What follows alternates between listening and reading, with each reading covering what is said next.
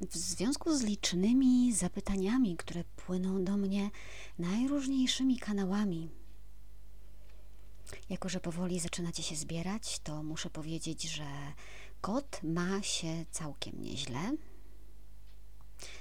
Wczoraj miał operację, wrócił wieczorem do domu z połową ogona. Chyba go boli, pochowa się po kątach. Niespecjalnie chce jeść. Mela solidarnie razem z nim nie bardzo chce jeść. Wyjątkiem są y, przysmaczki, które właśnie przed chwilą dostały. No ale miejmy nadzieję, że po prostu trzeba przetrwać to, co jest trudne i wyjdziemy na prosto. E, pies solidarnie też zaczął chorować, rozumiecie? Także w zasadzie wszystkie trzy nagle sprawiają kłopot. No ale tak to bywa za zwierzętami.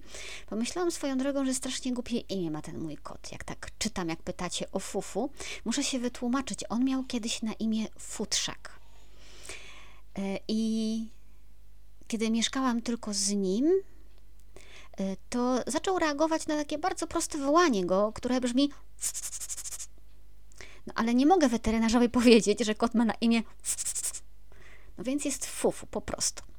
E, więc to tyle, jeżeli chodzi o kota. Przypominam e, o lajkach pod filmem od razu, teraz już, bo potem jak już wejdziemy w wir, to nie będziecie pamiętać o łapkach, subskrypcjach na YouTubie. Kto ogląda na YouTubie, e, witam Was wszystkich po kolei. Teraz nie wiem, czy wszystkie komentarze zdążę przelecieć. Ania Marzycielka, jak zwykle pierwsza, Jagoda, Magda, Irena, Hubert dzisiaj z nami, Ania na fejsie pierwsza jak zwykle, wygrywasz Aniu z powrotem Marzena, Robert, Marta, Anna. Och, tylu Was się tutaj zebrało, że jest mi trudno. Lesław, Andrzej, Agata, Delila, Jolanta. Miło Was wszystkich widzieć. Jeśli chodzi o rozkład jazdy na dziś, to jest on dość yy, chyba łatwo przewidywalny, proszę Państwa, i tylko trzypunktowy. To znaczy, po pierwsze, sprawa bielsko-żywiecka, najdłuższa i najtrudniejsza. Y, po drugie, sprawa płocka, czyli sprawa y, rozprawy sądowej i wyroku w sprawie tęczowej Maryi. Y, no i na koniec sprawa chyba lekko polityczna, chociaż wiecie, że ich nie lubię, ale o uchodźcach jeszcze słów kilka. Paweł uprzedza, że pies już był na spacerze, bo by mnie poniosło, znaczy, żebyś zaczął biegać z tym psem i on by nie wytrzymał, podejrzewam. Pozdrów psa, Pawle. To jest program Reportaż z Wycinków Świata, Monika Białkowska.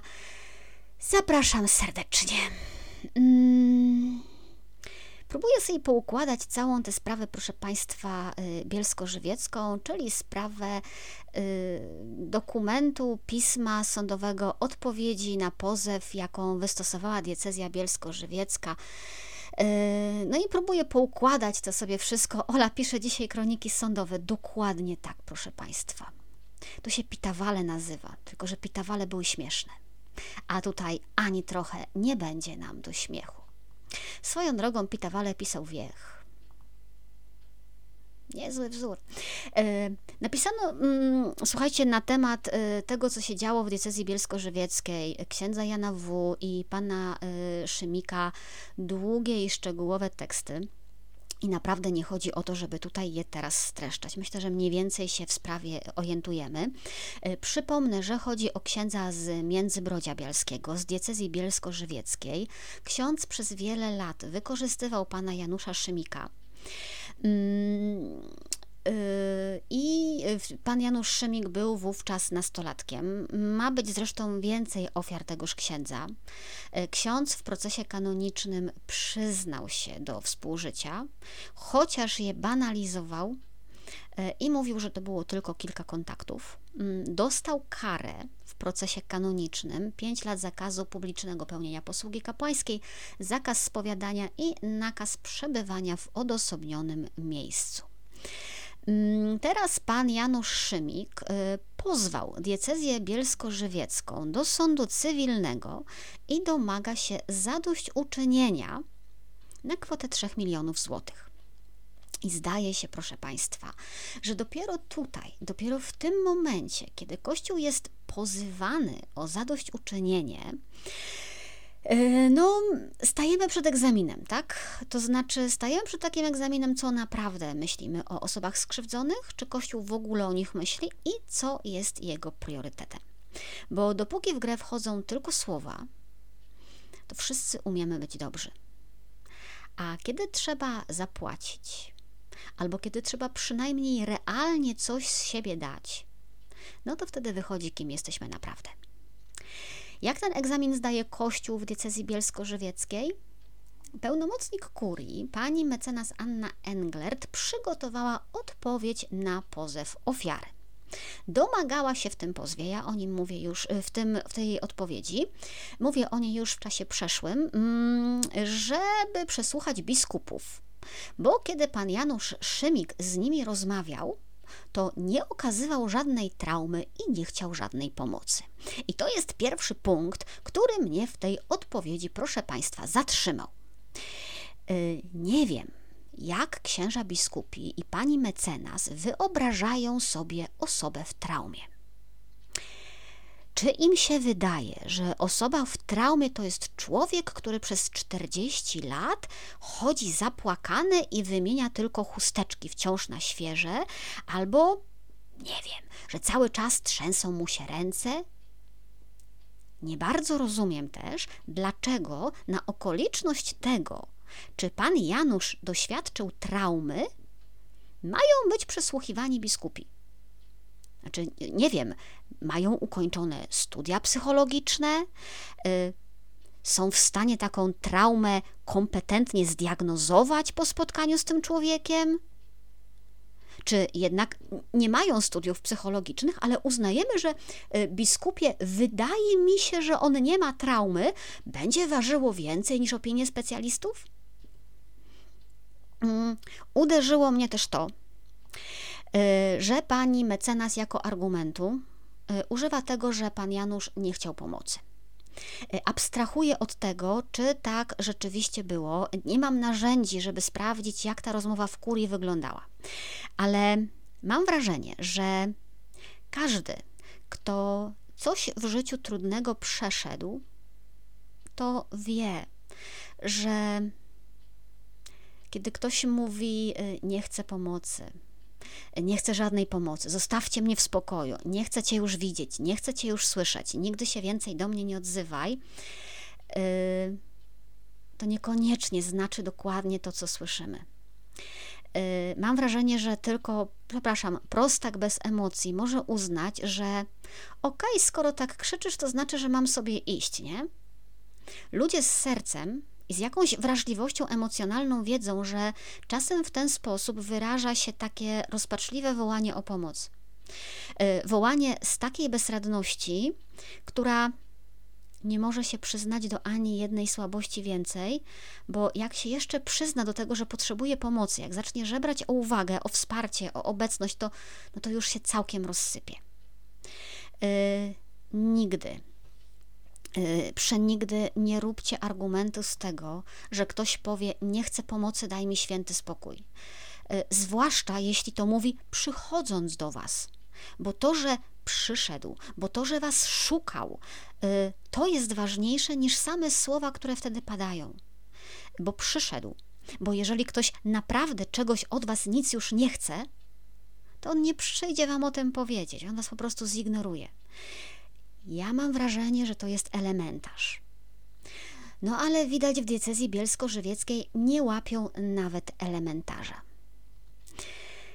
Kolejna rzecz, która w imieniu diecezji domagała się pani mecenas, to jest powołanie biegłego, żeby ustalili, jaką pan Janusz, yy, czyli pokrzywdzony, ma orientację seksualną. I to jest już jakaś absolutna aberracja. Na to nie ma słów. To jest postawienie na głowie wszelkich norm moralności e, i postawienie na głowie wszelkich norm prawa, tak?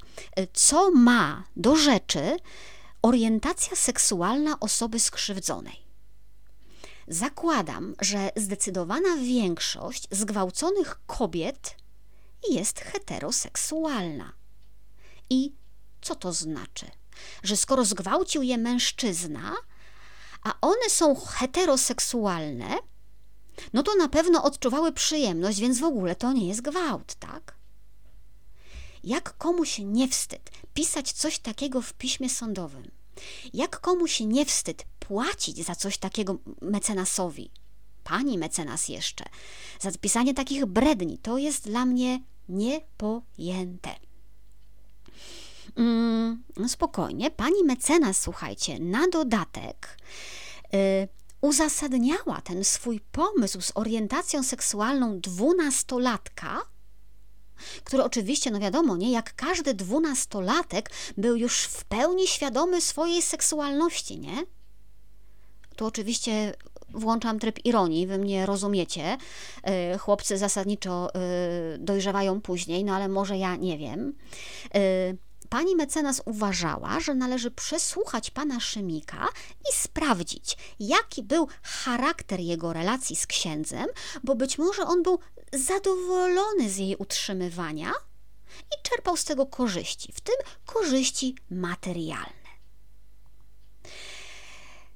No i teraz po kolei, proszę Państwa. Mm, nie sądzę, żeby cokolwiek, cokolwiek, co łączy dwunastoletniego chłopca z dorosłym mężczyzną spoza rodziny, można było w ogóle nazwać relacją, a na pewno nie relacją symetryczną, taką, w którą wchodzimy jako równi sobie partnerzy. To jest po pierwsze, dziecko w takiej relacji jest dzieckiem, a nie partnerem dla dorosłego i obcego sobie człowieka. Więc niezależnie od tego, jak pani mecenas będzie próbowała nazywać charakter tej relacji, to zawsze, ale to zawsze będzie to taka relacja, w której dorosły człowiek ma przewagę i dorosły człowiek wyznacza charakter, charakter tej relacji. Zawsze. Dziecko nigdy nie ułoży relacji wbrew woli dorosłego. Dziecko nigdy nie jest w stanie zmanipulować dorosłego w relacji. Nie ma do tego narzędzi. E, po drugie, no bo być może pan Szymik jako dwunastolatek był zadowolony z tej relacji, czytamy. Kurczę, i wiecie, znając dwunastoletnich chłopców, no to ja myślę, że no nie wiem, no dwunastolatek pewnie czasem był zadowolony, nie? No bo dziecko zwykle jest zadowolone, kiedy się mu kupi lizaka albo samochodzik. Zwłaszcza jeżeli to będzie jakieś takie dziecko, które, nie wiem, ma deficyty z domu, czegoś mu brakuje. Ono może być zadowolone nawet z tego, że ktoś mu poświęca jakąś uwagę. Może być zadowolone z tego, że ktoś ma dla niego czas. Tylko wiecie co? To nic nie zmienia. Jeżeli dorosły człowiek zdobywa zadowolenie dziecka, wykorzystując je seksualnie, to nadal jest podłe wykorzystywanie. Zawsze. Niedawno czytałam książkę yy, o tym, co się dzieje z dziećmi, z dziewczynkami sprzedawanymi jako małe dzieci do domów publicznych. Kiedy kilkuletnie dziewczynki są wykorzystywane, kiedy są pobudzane seksualnie, kiedy jest niszczona ich psychika w ten sposób, one potrafią się wtedy rzeczywiście zacho nauczyć zachowywania w sposób wyzywający. One zaczynają czerpać przyjemność z seksualności. Czerpią ją w tym czasie, kiedy dla ich ciał i dla ich psychiki jest zdecydowanie za wcześnie, ale to się dzieje dlatego, że zostały skrzywdzone.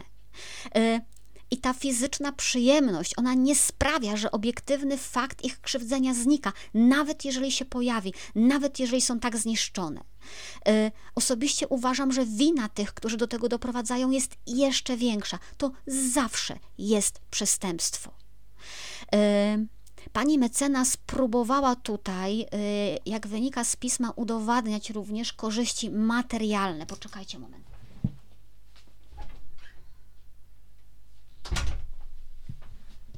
I znowuż, jakie tutaj mogą być korzyści materialne, lizaki, samochodzik, lody, rachunek za prąd, który ksiądz zapłacił za mamę, wycieczka do Warszawy księdza samochodem, nie wiem, strzelam ale największe nawet korzyści materialne dawane dwunastoletniemu dziecku są decyzją osoby dorosłej. To nie dziecko ich żąda, ale dorosły je daje i dorosły jest temu winien. To się dzieje ponad wolą dziecka, na poziomie, z którego nawet to dziecko nie zdaje sobie sprawy. Dziecko jest dzieckiem, dostaje prezent, bierze i tyle. Określenie tego po latach w sądzie jako czerpanie korzyści majątkowych, e, co niby ma osłabić winę faceta zaciągającego dziecko do łóżka, jest po prostu obrzydliwe. Taki ksiądz, czy ktokolwiek inny, kto takie rzeczy robi, powinien być dodatkowo, przepraszam, sądzony za korupcję, za zmuszanie kogoś do przyjęcia korzyści majątkowych. Czytamy w tej odpowiedzi, że pozwana diecezja przeczy, aby relacja, jaka łączyła powoda z księdzem W, oparta była na zniewoleniu czy obezwłasnowolnieniu, wręcz przeciwnie, relacja ta była oparta na dobrowolności i wzajemnych korzyściach. Przypomnę, mówimy o dorosłym mężczyźnie i dwunastoletnim chłopcu, o dobrowolnej i wzajemnej korzyści. Jestem bardzo ciekawa, czy pani mecenas ma dzieci. Y, jest też o tym, że spotkania między nastoletnim panem Januszem i księdzem były spotkaniami prywatnymi, y, a nie spotkaniami między ministrantem i duchownym. Więc, więc ksiądz nie wykorzystał tutaj wcale stosunku zależności między nimi. No, rozumiecie, w ogóle i zupełnie nie wykorzystywał, bo jak macie szefa w pracy, nawet wy, dorośli, którzy sobie potraficie rozdzielić pewne rzeczy, jak macie szefa w pracy, którego nie lubicie, bo się znęca nad pracownikami, to jak po pracy spotkacie go w barze, to już nie jest wasz szef. To już jesteście w stosunku prywatnym i możecie mu wyżygać wszystko, jaką jest świnią, a potem wracacie do pracy i nadal jest wszystko ok, bo tamto to było spotkanie dwóch facetów w barze, a nie spotkanie między szefem a podwładnym, nie? No oczywiście, że tak to działa. Wiecie, ja byłam kiedyś y, dzieckiem w kościele mm, i wiem, jak to wygląda, i wy też wiecie, y, jak się poznaje kogoś jako księdza, zwłaszcza kiedy się jest dzieckiem. Y, to to jest ksiądz po prostu. E, nawet jak będzie, nie wiem, na pielgrzymce w samych gaciach mył się przy studni, to to jest ksiądz. I nawet jak spotkacie go w markecie, jak kupuje wódkę, to to nadal jest ksiądz. I ta zależność zostaje, zwłaszcza w oczach dziecka. I nie ma takiej możliwości, żeby coś, kiedy mówimy o dziecku, było spotkaniem prywatnym, a nie jako ministrant i duchowny. Po prostu nie ma. E, ksiądz Jacek Prusak, e, przypominam, doktor psychologii, psychoterapeuta, e, pisze: Dokument nie bierze pod uwagę całej złożoności doświadczenia inicjacji seksualnej mającej miejsce w trakcie wykorzystywania seksualnego. Sprawca manipuluje ofiarą, dochodzi do uwikłania emocjonalnego. W rezultacie, po pierwsze, nie jest ona w stanie powiedzieć nie, po drugie, bierze na siebie odpowiedzialność za to, co się stało i nie potrafi sama siebie nazwać ofiarą. Po trzecie, ma pomieszane emocje względem sprawcy, którego najpierw obdarzyła zaufaniem. Po czwarte, zacznie w ambiwalentny sposób przeżywać własną seksualność. To wszystko jest opisane dawno w literaturze i stanowi podstawę orzecznictwa. Tymczasem kuria bielska to neguje. Ania pyta, jak nauczyciel zgwałci dziecko po lekcjach, to szkole nic do tego. Czy to już nie jest przestępstwo? Wiecie, yy, Kuria Bielska to neguje. No i dlaczego ma nie negować, prawda, skoro próbuje się bronić przed płaceniem odszkodowania? Przy okazji pojawia się też oczywiście argument, że kiedy ksiądz gwałcił pana Janusza i innych chłopców, to diecezja bielska jeszcze, bielsko-żywiecka nie istniała, no więc w sumie sądzona powinna być archidiecezja krakowska. E, bielsko-żywiecka nie ma tutaj żadnej odpowiedzialności. Ja tylko przypomnę, że e, biskupi diecezji bielsko-żywieckiej wiedzieli o tej sprawie od wielu lat i nic nie robili, więc ksiądz mógł spokojnie krzywdzić kolejne dzieci. E, biskup Rakoczy wiedział o tym ponoć od 93 roku i wszystko wskazuje na to, że tuszował przestępstwa księdza Wodniaka. Owszem, proszę Państwa, dzisiaj po południu pojawiło się oświadczenie Centrum Medialnego Kurii. Czytamy w nim, że działania diecezji nie mają na celu pomniejszenia odpowiedzialności sprawcy, a tym bardziej przerzucenia winy na pokrzywdzonego. Czyny przestępcze księdza zostały dowiedzione przez proces kościelny. W treści dokumentu nie powinny się znaleźć pytania dotyczące orientacji seksualnej oraz sugerujące czerpanie satysfakcji. Przepraszamy pana Janusza oraz wszystkie osoby zgorszone doniesieniami medialnymi. Na polecenie biskupa wniosek dowodowy zostanie doprecyzowany przy uwzględnieniu wrażliwości pokrzywdzonego i poszanowaniu jego godności. Mam ale, jeżeli się uszczepiamy, bo po pierwsze, to jest oświadczenie Centrum Medialnego Kurii, które przeprasza. Nie wiem, czy to centrum medialne powinno przepraszać i w czyim imieniu przeprasza. E, po drugie, my wcale, proszę Państwa, nie jesteśmy zgorszeni doniesieniami medialnymi do choinki, tak?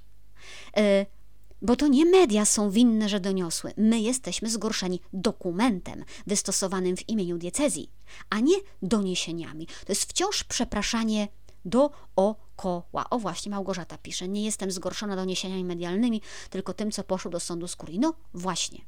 E, dobrze, że te przeprosiny się okazały, że chociaż ktoś próbuje, nie? E, ale my nadal nie wiemy, co tam się wydarzyło. Nadal nie wiemy, kto zawinił. Nadal nie wiemy, kto się zgodził na takie pismo. Nadal nie wiemy, czy kuria wiedziała, że ono poszło. Komu zabrakło tutaj wrażliwości? Czy kancelarii prawnej, czy diecezji również, e, kto nie dochował staranności, e, czy kuria puściła to pismo, czy kuria uznała, że nie warto sprawdzać tego pisma, że zaufajmy prawnikom, cokolwiek nauczą. Nie wiem.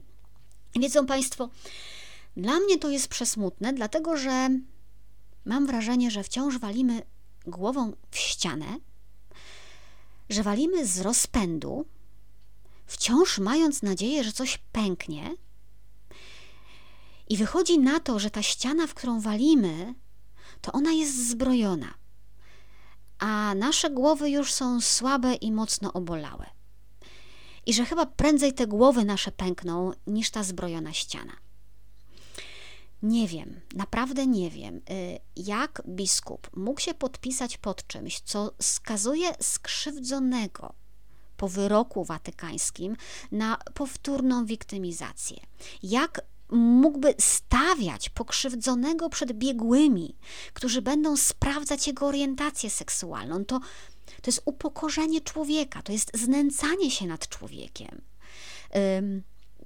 Prawnicy będą tutaj mówili, że w związku z tym, co pan Jan, że pan Janusz był wtedy dzieckiem, on w ogóle podlegał ochronie prawnej, tu nie ma możliwości innego badania sprawy, jak tylko pod kątem wykorzystania. Y, ani nie pod kątem relacji, ani nieprzyjemności, ani niesatysfakcji. Orientacja seksualna po prostu nie ma tu nic do rzeczy. O tym w ogóle nie powinno być mowy. Dziecko jest dzieckiem, dziecko nie ma potrzeb seksualnych, dziecko nie ma możliwości decydowania o sobie, nie ma możliwości jakiejś świadomej i, i dobrowolnej realizacji swojej seksualności, niezależnie od orientacji. E, I niezależnie od tego, czy takie badanie pana Janusza by się odbyło, niezależnie od tego, jaki byłby jego wynik, to po prostu niczego w tej sprawie nie zmienia, nic. To jest gra tylko i wyłącznie na upokorzenie człowieka. No i to robi Kościół, proszę Państwa. Wiecie, najśmieszniejsze w tej sprawie, chociaż to jest naprawdę śmiech przez ogromne łzy, albo chichot losu, że jeszcze niedawno tenże biskup bielsko-żywiecki pisał list do mieszkańców Międzybrodzia.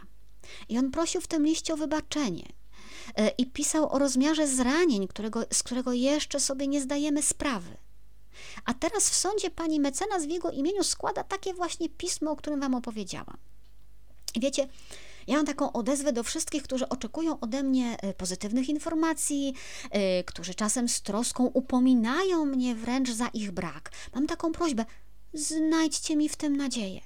Chociaż odrobinkę, chociaż ciut. Bo ja wiem, że oczywiście no, można po prostu o tym w ogóle nie mówić.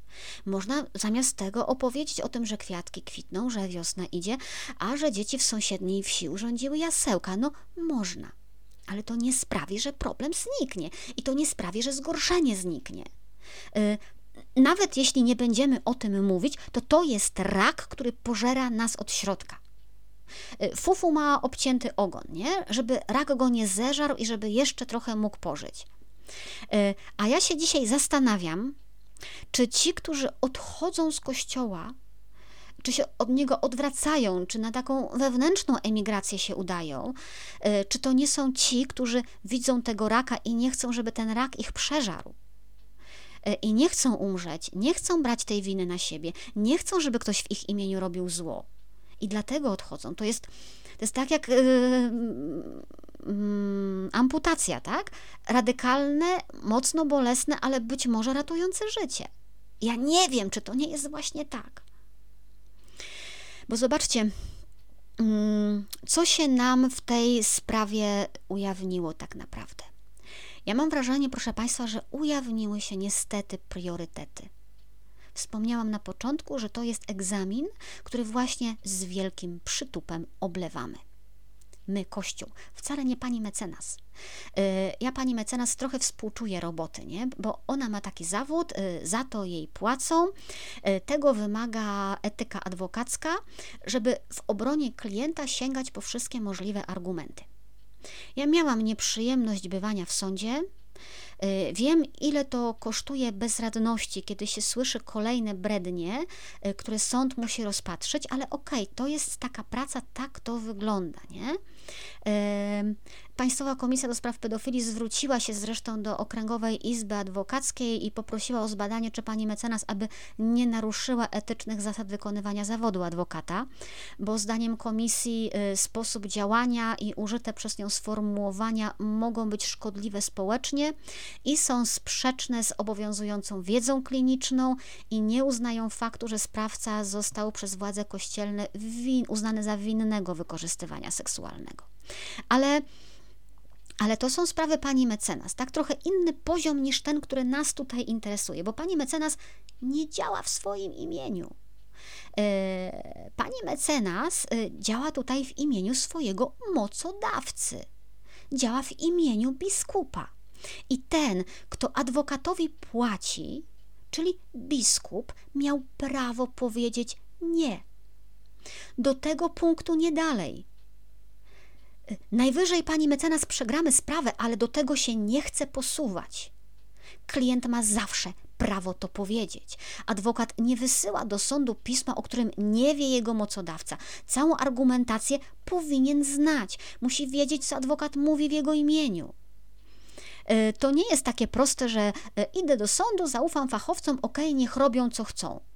Jeśli decyduje się na to jakaś korporacja w sprawach podatkowych, okej. Okay ale my tutaj mamy do czynienia z bardzo delikatnymi kwestiami, dotykającymi realnej krzywdy ludzi. I mamy do czynienia z instytucją, która na sztandarach ma wypisaną miłość najsłabszych. Y, tu nie wolno jest powiedzieć: OK, nie wnikamy, pani mecenas walczy jak uważa za słuszne. Y, tu się nie może obyć bez pytań o etykę, bez pytań moralnych, bez pytania o to, jak daleko chcemy się posunąć i jak daleko możemy się posunąć, a co będzie już podłością. Nie możemy. Nie możemy, bo to jest stawianie na szali całej wiarygodności Kościoła. Biskup nie może sobie pozwolić na to, żeby się tym nie zainteresować.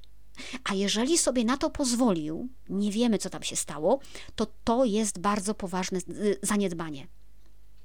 Y, kontrolowanie tego, jak przebiega ta sprawa i jakie argumenty są w niej używane, to jest jeden z najpilniejszych jego obowiązków. Y, I wiecie, mam wrażenie, że, że właśnie dostajemy tego dowód, tak? Że w kościele chyba nie ma tej pokornej myśli w pójściu do sądu, y, najwyżej przegramy. Mm, nie ma tej pokory y, uznania własnej winy y, pod tytułem trudno zgrzeszyliśmy, popełniliśmy przestępstwo, zaniedbaliśmy, za ten błąd trzeba zapłacić. Mam wrażenie, że tego nie ma. My musimy postawić na swoim. Y, musimy wyciągnąć najcięższe i najbardziej śmierdzące działa, byle tylko postawić na swoim. Zeszmacić się, pokazać najgorszą, najokrutniejszą, bezwzględną twarz, byle tylko postawić na swoim. Byle w tym porządku instytucjonalnym wszystko zostało tak, jak jest. Byle się zgadzały stanowiska, byle się zgadzała kasa. Pal licho przyzwoitość? O miłości to ja już w ogóle nie będę tu wspominać. Tylko wiecie, tylko że taki kościół przepraszam, że to powiem, taki kościół to jest kościół żywych trupów. To jest kościół grobów pobielanych. To jest dokładnie to wszystko, przed czym Jezus Chrystus ostrzegał. A oni robią to z Jego imieniem na ustach, obrażając Jezusa w sposób najgorszy z możliwych. Yy, Kościół ma prawo iść do sądu. Yy, Kościół jako instytucja ziemska ma prawo walczyć o to, żeby nie płacić odszkodowań, tak? Ale nie ma prawa, uważam, walczyć o to za wszelką cenę. Nie ma prawa robić tego za cenę upokarzania ludzi, za cenę sprawdzania ich orientacji seksualnej, czy za cenę wmawiania, że dwunastolatek czerpie przyjemność z tego, że gwałci go stary śmierdzący chłop. Po prostu nie. Yy, stanęliśmy przed egzaminem Mm, stanęliśmy przed pytaniem, co się okaże ważniejsze w chwili próby. Czy moralność, czy skuteczność? I mam wrażenie, że wygrywa, oby tylko czasowo, że wygrywa skuteczność. Moralność, Ewangelia, miłość, Okazuje się, że to są tylko takie narzędzia, żeby trzymać władzę nad ludźmi, żeby ich przyciągnąć, żeby przyciągnąć naiwne tłumy. Ale kiedy my będziemy walczyć o siebie, wtedy będziemy walczyć do ostatniej kropli krwi o przetrwanie tej skutecznej i silnej instytucji. O przetrwanie instytucji, a nie o przetrwanie ewangelicznej wspólnoty miłości. E, I mam wrażenie, że to się właśnie okazało i mam wrażenie, że to się właśnie objawiło. E, I to się objawiło na tym e, mitycznym południu Polski, rozmodlonym, pobożnym, przy samym źródle świętych powołań. I to wszystko zdaje się, że jest taka, wiecie, ładnie pomalowana fasada dla maluczkich, a za nią smród obłudy, gdzie paru panów będzie załatwiało swoje interesy, realizowało swoje pasje, dla pozoru nazywając to miłością i nic więcej. Ja przyznaję, że nie wiem, gdzie jest w tym nadzieja. Mm, ja jestem y, zdruzgotana. Y, nie w taki kościół wierzę. I tak naprawdę y, teraz moja jedyna nadzieja w tym, że nie wiem, biskup y, zmieni adwokata, że powie, co się wydarzyło, że nie tylko przeprosi, ale też powie, że ktoś tu podpowiadał, że podpisał to przez sen, albo że ktoś mu przystawił pistolet do głowy, albo że nikt w kurii nie widział tego dokumentu przed wysłaniem go do sądu. Nie wiem. Yy Boję się, słuchajcie, że ten czas egzaminów jest dopiero przed nami, bo pojawiać się będą kolejne pozwy i rozpoczną się kolejne procesy o zadośćuczynienia. I wtedy nie tylko diecezja bielsko-żywiecka, ale też inne pokażą swoje twarze. I może być z tego wielkie zgorszenie. I zgorszy nas nie Kościół, który się będzie stawał ubogi, bo się po takich zadośćuczynieniach stanie ubogi, ale gorszyć nas będzie Kościół, który po kolejnych trupach będzie się bronił przed podzieleniem się bogactwem. Będzie się bronił przed tym, czego samo uczy, przed zadośćuczynieniem. Y, ksiądz Jacek Prusak w komentarzu w Tygodniku Powszechnym pisze dość gorzko, Ewidentnie nie chodzi tutaj o dobro ofiary, tylko o obronę systemu klerykalnego. To nonszalanckie, skandaliczne i bulwersujące, szczególnie w kontekście nauczania papieża Franciszka. Tutaj nie ma jakiejkolwiek wrażliwości wobec ofiary, wprost przeciwnie. Chodzi o utrudnienie jej życia. Prowadziłem w terapii osoby, które były w dzieciństwie wykorzystywane seksualnie przez księży. Wmawiano im winę w podobny sposób. Teraz, po tym oświadczeniu kurii, też się do mnie odzywają. To przerażające, że ciągle wracamy do punktu wyjścia. A Kościół dowodzi, że dba o ofiary tylko wtedy, gdy jest mu to na rękę. Na razie poza księdzem Prusakiem, no i poza tym centrum medialnym diecezji bielskiej, głos ze strony kościoła tak oficjalnie zabrał tylko ksiądz Piotr Studnicki z biura delegata KEP. Ani sam zainteresowany biskup, ani żaden inny biskup, ani przewodniczący KEP, ani rzecznik KEP, nikt. I wiecie, mi tutaj wcale nie chodzi o to, żeby ktoś stanął przeciwko diecezji bielsko-żywieckiej z nich. Nie. Y, mi chodzi o to, żeby oni stanęli w obronie ofiary. Chociażby przeciwko swojemu, ale żeby stanęli w obronie skrzywdzonego. Nikt tego nie zrobił. Y, mam wrażenie, że Kościół y, dba o ofiary tylko w taki sposób, żeby zrobić sobie dobrze, żeby zadbać o swój wizerunek. I mówię to naprawdę y, z wielką goryczą, bo wiecie, bo ja znam ludzi, którzy y, w kościele naprawdę angażują się w realną pomoc osobom skrzywdzonym. Oni są. Znam ludzi, którzy robią bardzo dużo dobrych rzeczy. I ta moja gorycz nie jest przeciwko nim. Ona jest chyba trochę w ich imieniu, bo całą ich dobrą robotę, wielką, która się odbywa po cichu. Jeden biskup jednym listem do sądu spartoli po prostu. Y, I oni, którzy robią tę dobrą robotę, oni uratują ludzi i to jest ważne. I niech ich ratują, to jest najważniejsze, tak? Ale przy takiej kreciej robocie biskupów, y, to wiarygodności Kościoła nawet najlepsi i najgorliwsi ludzie nie będą w stanie ocalić. Mm, e, to nie tak. E, ja mówię o tym, pani Tomira pisze, że może napisać coś, co budzi sprzeciw moralny. Nie. Chodzi o to, że adwokat ma obowiązek występować w interesie, w interesie klienta, sięgając po różnego rodzaju argumenty, które drugiej stronie się będą wydawały nie fair. Oczywiście adwokat nie ma prawa sięgać po coś, co jest y, moralnie szkodliwe. To, to nie tak. Tam był skrót myślowy. To absolutnie nie o to, nie o to chodziło. Mm. Wiecie, ja się cały czas trzymam tego, że to, z czym mamy do czynienia, e, to nie jest cały Kościół, naprawdę. E, trzymam się tego, że Kościół jest powszechny i, e, i że jest na całym świecie, i że są miejsca, gdzie są piękne, i, i ja wiem, że chrześcijaństwo jest piękne, i wiem, że Ewangelia jest piękna, jest dobra i jest ważna. Wszystko to wiem. Coraz trudniej jest mi znosić to, że nasi biskupi nie tylko tego, mam wrażenie, nie wiedzą, ale zdają się działać wbrew najważniejszym zasadom chrześcijaństwa, że działają wbrew publicznie i głośno, wbrew temu, co mówił Jezus w kazaniu na górze.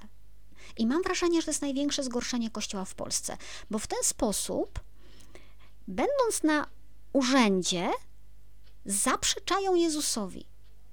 I przez to, że oni na urzędzie są zepsuci, ludzie nie chcą z Jezusem mieć nic wspólnego.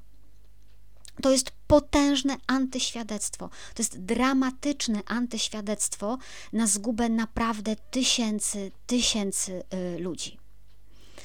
Mm. Dobra, słuchajcie, podrzucam jeszcze Wasze komentarze. Jest ich tak dużo, że wiecie, tak próbuję śledzić swoje notatki i, i to, co piszecie, jest mi, jest mi bardzo, y, bardzo trudno. Idziemy dalej. Pozostajemy przy sprawach sądowych dzisiaj. E, wczoraj w sądzie okręgowym w Płocku odrzucona została apelacja wyroku uniewinniającego kobiet, e, które rozlepiały wizerunki e, Matki Bożej Częstochowskiej w aureoli stęczy. Kobiety zostały uniewinnione. Mm, zostały uniewinnione już w marcu prokuratura i oskarżyciele posiłkowi, czyli emerytowany ksiądz proboszcz i pani Kaja Godek, y, złożyli wówczas od tego wyroku apelację. Przekonywali, że Maryja z tęczową aureolą była obliczona na głębokie zranienie tych, którzy czczą Matkę Bożą, że to był bolesny akt profanacji, że zniszczony został wizerunek, który jest wielką wartością, że klękali przed nim papieże, królowie, prezydenci i że w historii tylko osoby niezrównoważone niszczyły ten wizerunek. Yy, sędzia uznał, że każdy ma prawo manifestować swoje poglądy, że symbole religijne i wizerunek Matki Bożej można umieszczać w różnych miejscach. y, że nie tylko w przestrzeni sakralnej, y, że wizerunek Matki Bożej w aureoli stęczy nie jest wulgarny ani poniżający i że nie podżega do nienawiści. Y, biskup Płocki Piotr Libera mm, komentuje ten wyrok mówiąc: Jest to dla mnie niezrozumiałe. W moim odczuciu oznacza przyzwolenie na profanację symboli religijnych i ranienie uczuć wierzących. Na takie czyny nigdy nie może być zgody. To wymaga od nas modlitwy wynagradzającej Matce Jezusa i naszej Matce. Yy, wiecie, próbuję jeszcze Waszych komentarzy przelecieć tutaj, bo mnie to rozprasza cały czas, że nie, yy, że nie widzę, gdzie jesteśmy. Yy, wiecie, to o tym klękaniu przed tym obrazem i o tym, że niezrównoważeni go niszczyli i że to zawsze była wielka krzywda dla nas, to wszystko jest prawda. E, dla mnie Jasna Góra była zawsze ważnym miejscem.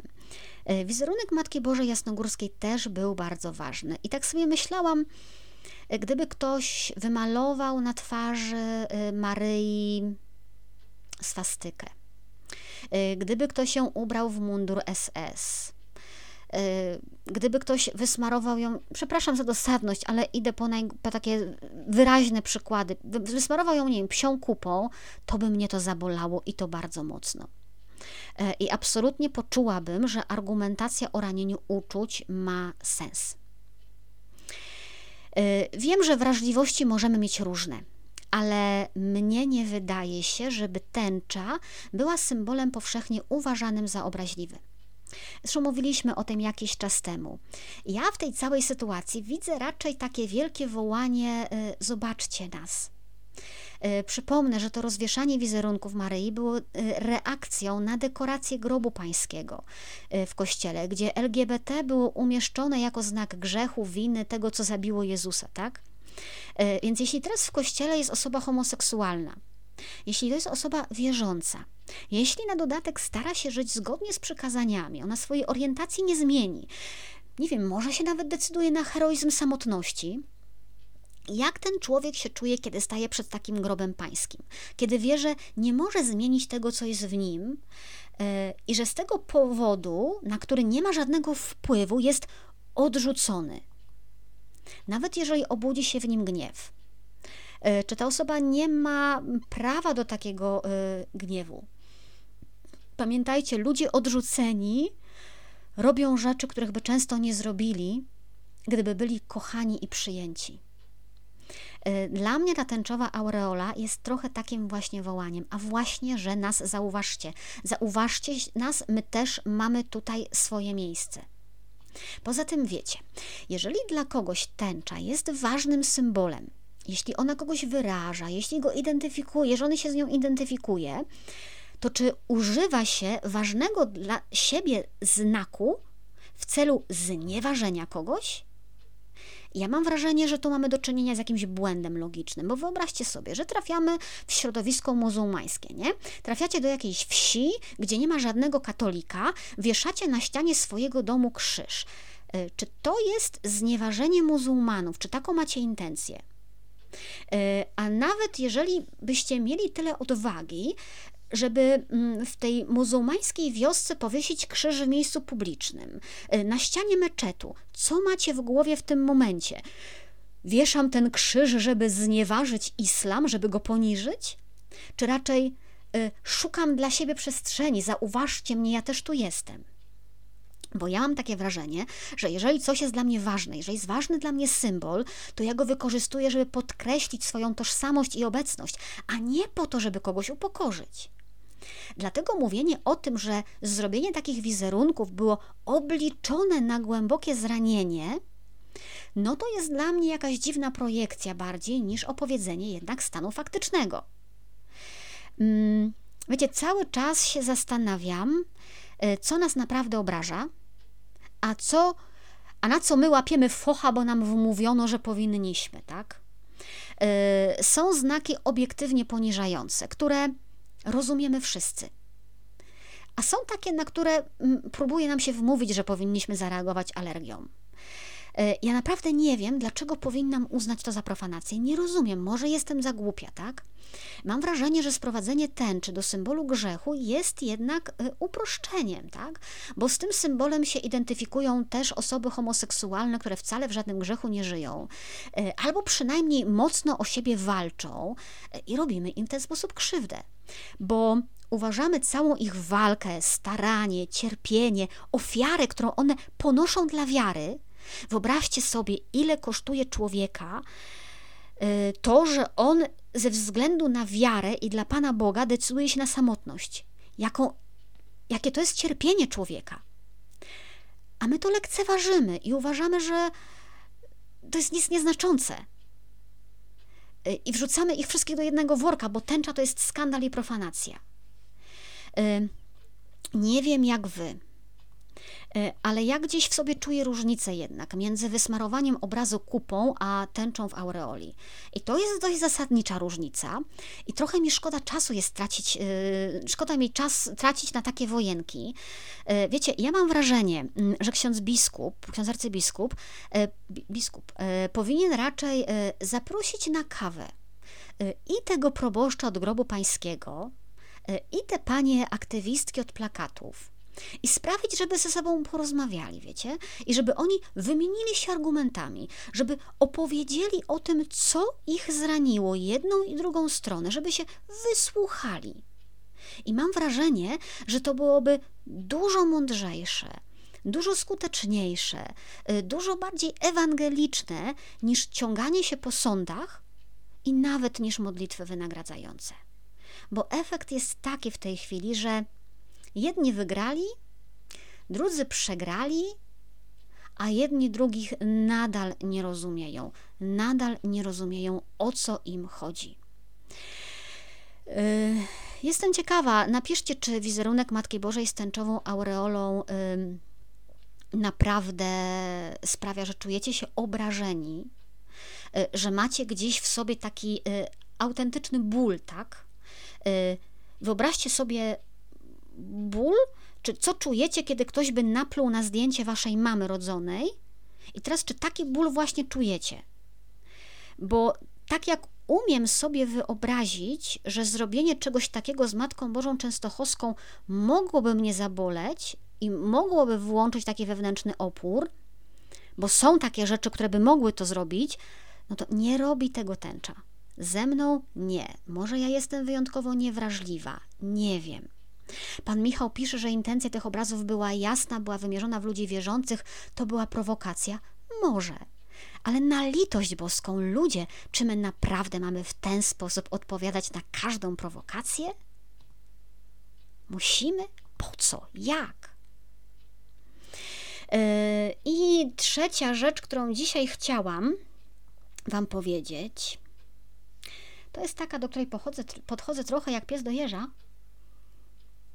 bo wiecie, że o politykę zahaczam bardzo rzadko. Staram się w ogóle, ale nie mogę nie zahaczyć, jeżeli chodzi o uchodźców. Mm, nie wiem, czy pamiętacie ten spot wyborczy. Jest z 2018 roku. Y, można go było zapomnieć, więc y, przypomnę. Całość tego spotu stylizowana była na program informacyjny z przyszłości. E, pojawia się tam e, taki wielki napis e, kryzys z uchodźcami. I są obrazki. Mężczyźni na schodach gdzieś tam się popychają, walczą. Ktoś kogoś kopie, ktoś spada ze schodów. I głos w tle. W ramach przydziałów pojawiły się enklawy muzułmańskich uchodźców. Dziś mieszkańcy boją się wychodzić po zmroku na ulicę. Napady na tle seksualnym, akty agresji stały się codziennością mieszkańców. I znowuż w tle mamy, proszę Państwa, zamieszki, rzucanie meblami, płonące samochody, trupy na ulicach. No i pada pytanie, czy będziemy się czuli bezpiecznie, jeśli PO to zrealizuje? 21 października wybierz bezpieczny samorząd. Y, już wtedy, w 2018 roku, ten spot spotkał się z wielkim oburzeniem. No, trudno, żeby było inaczej, bo on nie tylko był manipulacją i to mocno toporną, ale był też podjudzaniem do nienawiści na tle rasowym, narodowościowym. No to był jeden z elementów kreowania tej polityki e, strachu. E, I pewnie nie nie byłoby, słuchajcie, potrzeby do tego wracać, bo wielu o tym spocie zapomniało, gdyby nie ujawnione kolejne maile Dworczyka. Oczywiście z całym dystansem do tych ujawnionych informacji, ale niestety jednak dużo wskazuje na to, że y, jakaś część tych informacji jest wiarygodna, bo zostały potwierdzone przez nadawców albo przez adresatów. No i cóż tam dziś czytamy? Ano czytamy, że dosłownie kilka dni przed wyborami samorządowymi mm, premier był rozczarowany tym spotem, bo dostawał mnóstwo informacji na jego temat i uznał, że należy ograniczyć jego emisję. Nie, nie dlatego, że spot był manipulacją i kłamstwem, ale dlatego, że jest nieskuteczny, bo może zaszkodzić im w wyborach, bo wzmacnia identyfikację z drugą stroną. No i się premier też obawiał, że po tym spocie w sądzie y, w 100% y, przegrają. Y, w odpowiedzi usłyszał, przeczytał od szefa sztabu wyborczego PiS, że spot ma na celu mobilizację ich wyborców, demobilizację przeciwników, ale co najważniejsze, proszę Państwa, ma być przeciwwagą do narracji drugiej strony o polexicie. No i szef sztabu uważa, że jest trafiony, bo skoro wzbudził po drugiej stronie takie emocje, to znaczy, że działa. Jednym słowem, proszę Państwa, jest super. Nawet jeśli ludzie się burzą na to, że jesteśmy cynicznymi gnojkami, to nie znaczy, że my jesteśmy cynicznymi gnojkami, ale to znaczy, że jesteśmy skuteczni. Gramy dalej. No i dalej odpowiada szef Rządowego Centrum Analiz Strategicznych, cytuję: Musimy przykryć tematem uchodźców sprawę polexitu, a innego tak mocnego nie mamy. Polacy muszą dyskutować o uchodźcach, a nie o polexicie.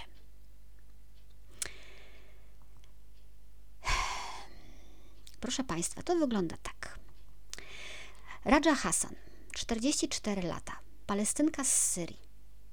W ostatniej wiadomości pisała: Jak się czujesz, mamo? U nas w porządku, módl się za nas. Kawa Anwar Mahmud al-Jaf, 25 lat. Umarł z wycieńczenia. Umarł już w samochodzie przemytników na terenie Polski. Dojechał do Frankfurtu martwy. Ahmad al-Hassan, 19 lat. Utonął w Bugu. Marzył o karierze prawnika, chciał tutaj studiować, jest pierwszym pochowany na cmentarzu w Bochonikach. Iwin Infar Zahir, 38-letnia matka, pięcioro dzieci. Nie wiedziała, że jest w ciąży, ona zmarła, zmarło również jej dziecko, jest razem z tym dzieckiem pochowana w Bochonikach. Isaierios, czyli Jezus, 24 lata, chrześcijanin z Syrii, porzucił studia informatyczne, bo chciał zarobić na utrzymanie rodziny, został znaleziony martwy na polu nieopodal Kuźnicy. Gajlandler Ismail, 25 lat, chłopak chory na cukrzycę z bardzo chorym kręgosłupem, z wielką trudnością się poruszał, nie bardzo mógł też nosić plecak, nie dostał wizy do Niemiec, żeby mógł się leczyć. Poszedł przez Mińsk z braćmi. Braci rozdzielono przy pushbacku. E, Gajlan został bez insuliny, bo insulinę miał w plecaku jego brat i chłopak umarł na skutek e, hipoglikemii. E, Nawhat Nabo, 33 lata, cukiernik, ojciec dwóch synów, zginął w wypadku samochodowym w samochodzie przemytnika już w Polsce. Wafa Kamal, 38 lat, artystka zajmująca się sztuką użytkową, y, pracowała dla międzynarodowej organizacji w, Bagdadzie, dostawała groźby od szyickich bojówek, wyjechała razem z mężem i córką do Mińska, była pushbackowana, zmarła w lesie z powodu hipotermii. To nie są wszyscy, to, ta lista jest dużo dłuższa, ale wiecie, to są konkretni ludzie. I to są ofiary polityki pod tytułem Musimy przykryć tematem uchodźców sprawy polexitu, a niczego innego, innego tak mocnego nie mamy. Polacy muszą dyskutować o uchodźcach, a nie o polexicie. Wracam z uporem maniaka i będę do tego wracała. Tak się rozpala iskrę, która wydaje się niewinna, a potem y, podpala świat. Tamten spot z 2018 roku zrobił swoje jest żywy w wielu ludziach. Ludziom się tamte obrazy wybiły w głowę. Zadziałały, czyli wzbudziły strach. Tyle, że wiecie, ci, którzy mieli wygrać wybory, to je wybrali, nie? I temat się skończył. A w ludziach strach żył. i żyje nadal. I wybuchł nienawiścią. I Śmieszne jest to, że niektórzy prawicowi, zwłaszcza publicyści, próbują dla tego strachu znajdować racjonalne uzasadnienia, że piszą, że tak trzeba, że to jest dobre, że musimy się bronić. Są ślepi, bo nie widzą, że dali się wciągnąć w cyniczną grę pod tytułem Musimy przykryć ich temat naszym mocniejszym tematem. I zupełnie nie ma znaczenia to, że to nie jest temat, że to są ludzie, i że raz rozbudzonej nienawiści to się niestety nie da tak łatwo ugasić. Yy, powiem Wam, że, że byłam zdruzgotana czytając maile o tych ustaleniach i o tym spocie, bo niby człowiek o tym wiedział, a jednak się łudził. Yy, wiecie, ja się łudziłam, że, że stoją za tym jednak jakieś idee, że stoją za tym jakieś racje. Niechby te idee i racje były głupie choćby one były takie, z którymi ja się nie zgadzam, ale żeby były, żeby w tym rozbudzaniu tej nienawiści, żeby w tej narracji była jakakolwiek etyczna mm, motywacja. Ale nie, tam nie ma żadnej idei. To jest tylko gra o głosy, gra ludzkim życiem o głosy. Bawienie się naszymi emocjami tylko po to, żeby utrzymać władzę. A ludzie umierają w lasach. Yy, Maciek pisze, problem w tym, że wszyscy politycy tak działają. Tak, dlatego nie dajcie żadnym politykom, żeby wami sterowali. Yy, na ile to jest możliwe, sprawdzajcie wszystko sami, czytajcie, pytajcie, przeglądajcie media różnych nurtów, różnych języków, zagraniczne też. Wtedy się zorientujecie, kto się od was troszczy ewentualnie, no to bym na polityków nie liczyła, a kto was wykorzystuje tylko dla osiągnięcia własnych celów. Wiecie, ja już bardzo czekam, żeby móc Wam dać do przeczytania książkę. Ona powędrowała do wydawnictwa, ma się ukazać na wiosnę. Na razie musimy, kochani, przetrwać zimę. E, pamiętajcie, że po zimie jest wiosna. Zawsze. E, I tego się trzymajmy, i tego się trzymajmy we wszystkich zimach tego świata. Przypominam, że można polubić y, na Facebooku profil Reportaż z Wycinków Świata i wtedy nie przegapić żadnego odcinka. Y, przypominam, że nie warto mnie prywatnie zapraszać do znajomych, bo tam jestem prywatnie, a publicznie to jestem na profilu Reportaż z Wycinków Świata. Y, zaproszeń od ludzi, których nie znam, no to i tak nie przyjmuję, za to gorąco zapraszam do każdej interakcji, pisania, rozmawiania właśnie przez profil Reportaż z Wycinków Świata. Można też zajrzeć na mój profil na Instagramie, gdzie się czasem coś dzieje, może nie za często, ale zawsze inaczej niż na fejsie.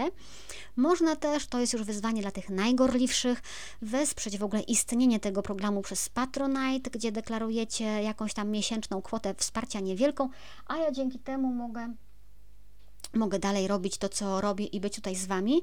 Patroni mają trochę przywilejów, o których oni wiedzą, e, ale też są najlepszą na świecie grupą wsparcia, za to jestem niezmiernie wdzięczna.